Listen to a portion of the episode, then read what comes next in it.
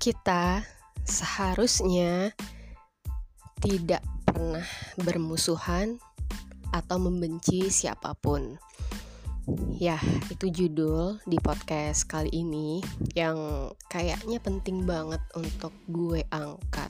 Mau gak mau ya, karena gue ngerasa dunia kita ke depannya itu kadang terlalu suka mengkotak-kotakan, menyempit-nyempitkan dan memisah-misahkan apa yang jadi bidang kita misal ini gitu. Jadi kita kayaknya nggak perlu untuk belajar bidang atau kesukaan atau interestnya orang lain. Terus kalau misalnya kita nggak suka ini atau menganggap ini jelek, sesuatu yang harus dihindari ya udah lo jauh-jauh gitu, nggak usah deket-deket sama gue toh gue nggak akan pernah ngebutuhin ilmu lo gitu kan. Kasarnya gitu sorry to say. But gini teman-teman coba sekarang kita lihat di sekeliling kita. Jangan di sekeliling kita dulu deh di badan kita dulu di diri kita. Dari hal yang terdekat hal yang terkecil gitu ya. Misalnya gini deh mulai dari diri gue ya. Gue cewek ya wanita pakai kacamata. Ya gue pakai kacamata tuh dari kelas 4 SD ya bayangin dari umur sekitar umur 9 tahun gue udah pakai kacamata. Jadi ceritanya kenapa gue bisa pakai kacamata? Karena pas gue dulu itu sebelum gue pakai kacamata itu kan gue di kelas itu kan duduknya diputar ya. Maksudnya nggak selalu tetap misalnya tempatnya di pojok ya udah di pojok terus gitu ya sepanjang tahun. Nggak nggak kayak gitu. Jadi diputar biar semua anak itu dapat giliran dapat sudut pandang yang beda suasana yang beda dan dapat tingkat konsentrasi yang lebih baik gitu kan ketika belajar. Jadi nggak selamanya yang di belakang tuh di belakang terus selama satu tahun itu. Nah jadi suatu ketika gue kan duduk di paling belakang gitu kan. Terus pasangan bangku gue tuh cowok. Ya jadi gurunya itu ya biasalah ya kalau mungkin pas SD itu suka pasangin cewek cowok biar nggak berisik nyatanya sih ngobrol-ngobrol juga ya mau cewek sama cowok ataupun mau sesama cewek sesama cowok tuh tetap sama-sama berisik juga gitu kan. Nah suatu ketika di bangku belakang gue duduk di paling belakang empat bangku dari eh lima bangku dari paling depan ya.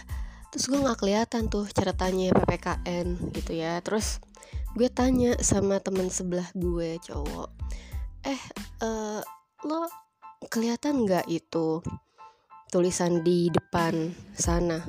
Itu apa sih kok? Gue nggak kebaca ya gitu kan. Bukannya nggak kelihatan tulisannya tapi menurut gue tuh burem gitu burem ya. Bukannya huruf-hurufnya itu lenyap gitu nggak ada bukan kan kayak gitu. Jadi ya kayak burem aja gitu kan. Terus dia bilang itu tuh bacaannya ini sab gitu. Terus katanya gitu ah masa sih? Kok gue nggak jelas gitu kan? Nah hal itu berlangsung sering ya. Maksudnya ketika gue ngalamin harus kadang suka nanya sama teman sebangku gue itu catanya apa? Apa? Sampai gue um, memutuskan untuk nyatet pas istirahat gitu karena gue nggak kelihatan itu di papan tulis tulisannya apa itu kan. Nah akhirnya ya udah terus gue bilang sama orang tua gue kayaknya perlu ke periksa mata deh soalnya Nisa nggak ngelihat papan tulis ya gue di, di rumah dipanggil Nisa gitu uh, ya udah akhirnya ke optik. Jeng jeng ternyata pertama kali gue harus pakai kacamata itu adalah langsung minus dua coy. Di mata kiri gue dan mata kanan itu uniknya nggak ada minusnya tapi ada silindernya. Gue lupa silinder berapa kayaknya sekitar satu deh ya waktu pertama kali. Dan gue cukup kaget dong karena di zaman gue dulu itu kayak nggak ada yang pakai kacamata di umur kelas 4 SD di umur 9 tahun. Ya udah tapi ya mau nggak mau lah mau nggak mau gue harus pakai dong biar nyaman biar enak gue belajar dan bacanya gitu kan. Udah singkat kata gitu. Dan balik lagi ya ke tadi ke hal-hal yang mau dibicarain di awal tadi tentang nikmat yang ada di badan kita. Nah, coba deh kita bayangin.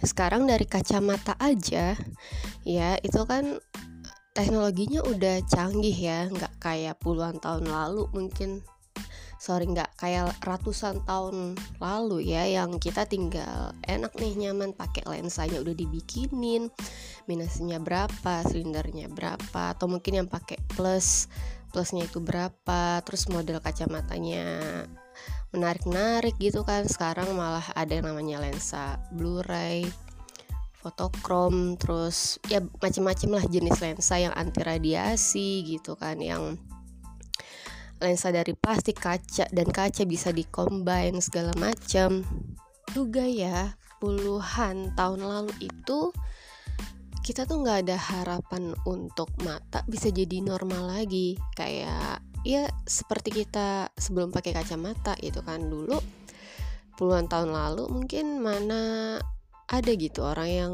mikir matanya bisa balik normal yang udah minusnya tinggi ya. Um, dengan adanya teknologi lasik itu sekarang beberapa tahun yang lalu itu ya menggeliat banget kan. Yang mana kita jadi bisa ngeliat jelas lagi nggak usah takut kita harus bawa kacamata harus pakai kacamata ke mana-mana gitu kan dan itu sungguh kemajuan yang luar biasa banget buat kita, buat peradaban, buat kemudahan kita hidup gitu kan. Dan itu baru dari kacamata aja loh teman-teman teknologi lasik itu ya. Maksud gue untuk mata aja gitu. Dan itu nggak dikerjain sama satu orang dokter mata kan teknologi itu ditemuin. Itu justru dari banyak penelitian banyak percobaan percobaan banyak eksperimen yang dilakuin dari berbagai lintas ilmu ya khususnya ilmu biologi ilmu tentang organ mata terus ada ilmu fisikanya juga tentang cahaya gitu. Terus ada uh, ilmu apalagi ilmu tentang lensa juga di dalamnya gitu dan segala macam hal teknis yang berkaitan dengan operasi lasik gitu dan dengan sebelumnya yang ditemuinya lensa untuk menjadi kacamata dan keindahannya juga dari ilmu desain gitu ya itu dikerjainnya tuh nggak satu hari itu bertahun-tahun puluhan tahun dan dari macam-macam jenis orang macam-macam jenis keilmuan gitu. Dan situ ada orang barat ya ada orang barat yaitu orang Amerika kek uh, Eropa kayak Cina Jepang, Korea, pokoknya semua orang yang cerdas-cerdas gitu ya di, di, di bidang natural science itu itu semua bergabung gitu ya.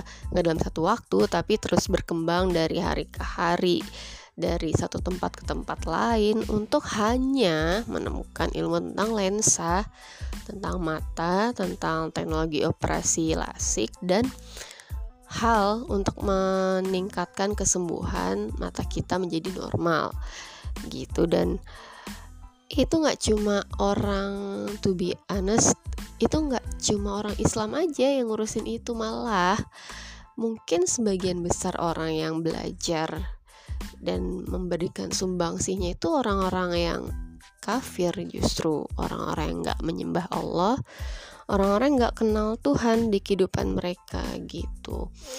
Ya balik lagi ya di hal yang pernah gue bilang di podcast-podcast yang sebelumnya bahwa kadang kita tuh terlalu sempit gitu memandang seseorang oh, karena dia kafir karena dia nggak beriman atau karena dia bajunya seksi gitu yang ngumbar aurat yang menurut kita itu kayak gitu. Ya lebih banyak sentimen negatifnya justru kita malah ngejauhin dia atau ngejauhin mereka hanya karena mereka terlihat tidak islami, tidak menyembah Allah, tidak beriman kepada Allah gitu. Jadi kita malah agak cenderung menjauhi orang-orang yang seperti itu gitu ya atau ya kita kadang nggak sadar bahwa semua atau banyak teknologi yang kita pakai sekarang ini tuh hasil kerja kerasnya orang kafir loh orang-orang yang mungkin setiap hari minum wine ya orang-orang yang punya anak tapi nggak nikah dulu orang-orang yang pakaiannya seksi gitu orang-orang yang nggak sholat orang-orang yang makan babi mungkin. Dan kita kayaknya kalau misalnya di Indonesia sorry to say muslim tuh kebanyakan ngebenci orang-orang yang seperti itu tanpa mau merendahkan hatinya untuk bisa melihat secara objektif hasil-hasil karya mereka yang udah kita pakai ke dalam kehidupan kita. Bukan cuma kita pakai ya tapi benar-benar immerse ke dalam organ tubuh kita kayak obat vaksin teknologi penyembuh penyakit-penyakit kita yang berat gitu kan di rumah sakit itu kan semuanya datang dari mereka gitu. Kadang kita nganggapnya itu ah itu ya hanya karena kita mungkin ngerasa nggak butuh di saat ini atau bukan kita yang make. Terus kita nganggap semua teknologi itu kayak nggak penting gitu. Jadi kita harusnya apa secara nggak sadar tuh menyingkirkan mereka menyingkirkan dampak baik mereka dari kehidupan kita. Padahal jujur aja kita emang banyak muslim di sini melimpah ruah ya.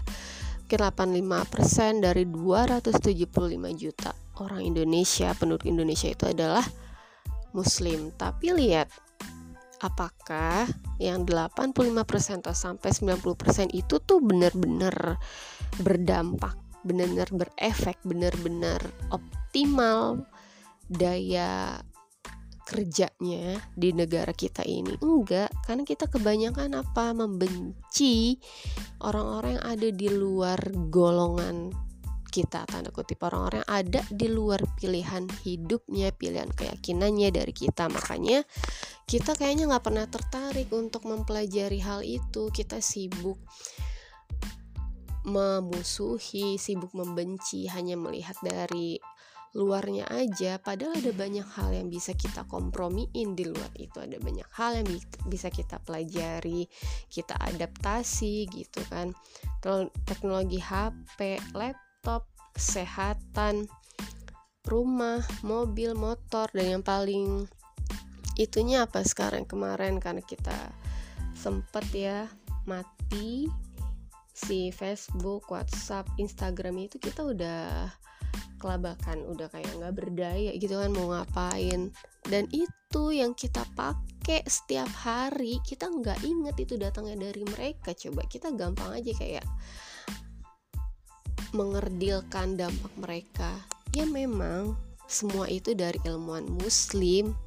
Ya tapi kan bukan berarti mereka nggak punya kontribusi apa pun. Sampai saat ini mereka lah yang penyambung ilmuwan muslim itu ya walaupun mungkin banyak teori yang bilang mereka mencuri karya dari ilmuwan muslim toh ya oke lah itu sejarah masa lalu. Dan gak semua ilmuwan barat itu jelek di masa dulu gitu kan. Jadi what's wrong with collaborate with them gitu kan? With understanding them dan segala macam hal yang bikin kita jadi lebih maju, lebih berdaya sebagai muslim, lebih bisa mensinergiskan dan bukan jadi umat yang peminta lagi bukan jadi umat yang penengadah tangan doang tapi yang maju. Karena mau mendengar mau memahami mau menerima kelompok-kelompok lain untuk tujuan yang lebih baik. Sedangkan masalah dosa masalah pilihan hidup atau keyakinan yang mereka punya yaitu biarin aja diserahin ke mereka diserahin ke Allah yang nanti bakal menilai. Toh emangnya kalau misal sekarang orang itu misal kafir nih terus emang pasti dia kafir sampai mati? Enggak kan? Jangan. Kita suka ngejudge orang itu karena dia sekarang itu dalam pandangan kita jelek terus pasti nanti seumur hidupnya bakal jelek terus bakal nggak beragama terus bakal nggak beriman terus itu salah banget. Dan kalau misalnya dia meninggal dalam keadaan gak Islam apakah kita yang ngurusin dosa dia? Kita juga nggak tahu persis. Apakah dia emang beneran meninggal dalam keadaan yang bukan Islam gitu kan? Api-api sok tahu kayak gitu tuh itu menghambat kemajuan diri kita kemajuan di sekitar kita, kemajuan negara kita dan umat kita itu sendiri. Kalau kita banyak curiga, banyak sok tahu atas kehidupan orang lain, isi hati orang lain dan pikiran-pikiran rencana ke depan orang lain gitu. Jadi stop membenci, stop mengkotak-kotakan, stop menyepitkan pikiran dan hati kita sendiri terhadap hal-hal yang mungkin dari luar kita pilihan hidupnya berbeda tapi sesungguhnya ada banyak hal yang bisa kita kolaborasiin yang bisa kita adaptasiin bareng yang bisa kita saling isi bareng untuk menemukan kreasi dan inovasi di berbagai bidang kehidupan yang lebih baik lagi gitu. Jadi stop hating spread